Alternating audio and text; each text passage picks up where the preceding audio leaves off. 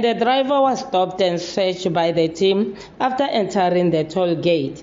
During the search, he was found in possession of a Standard Bank fleet card, one Nedbank loan card, and one FNB debit loan card, together with several toll gate transaction slips in his possession to the value of 72,515.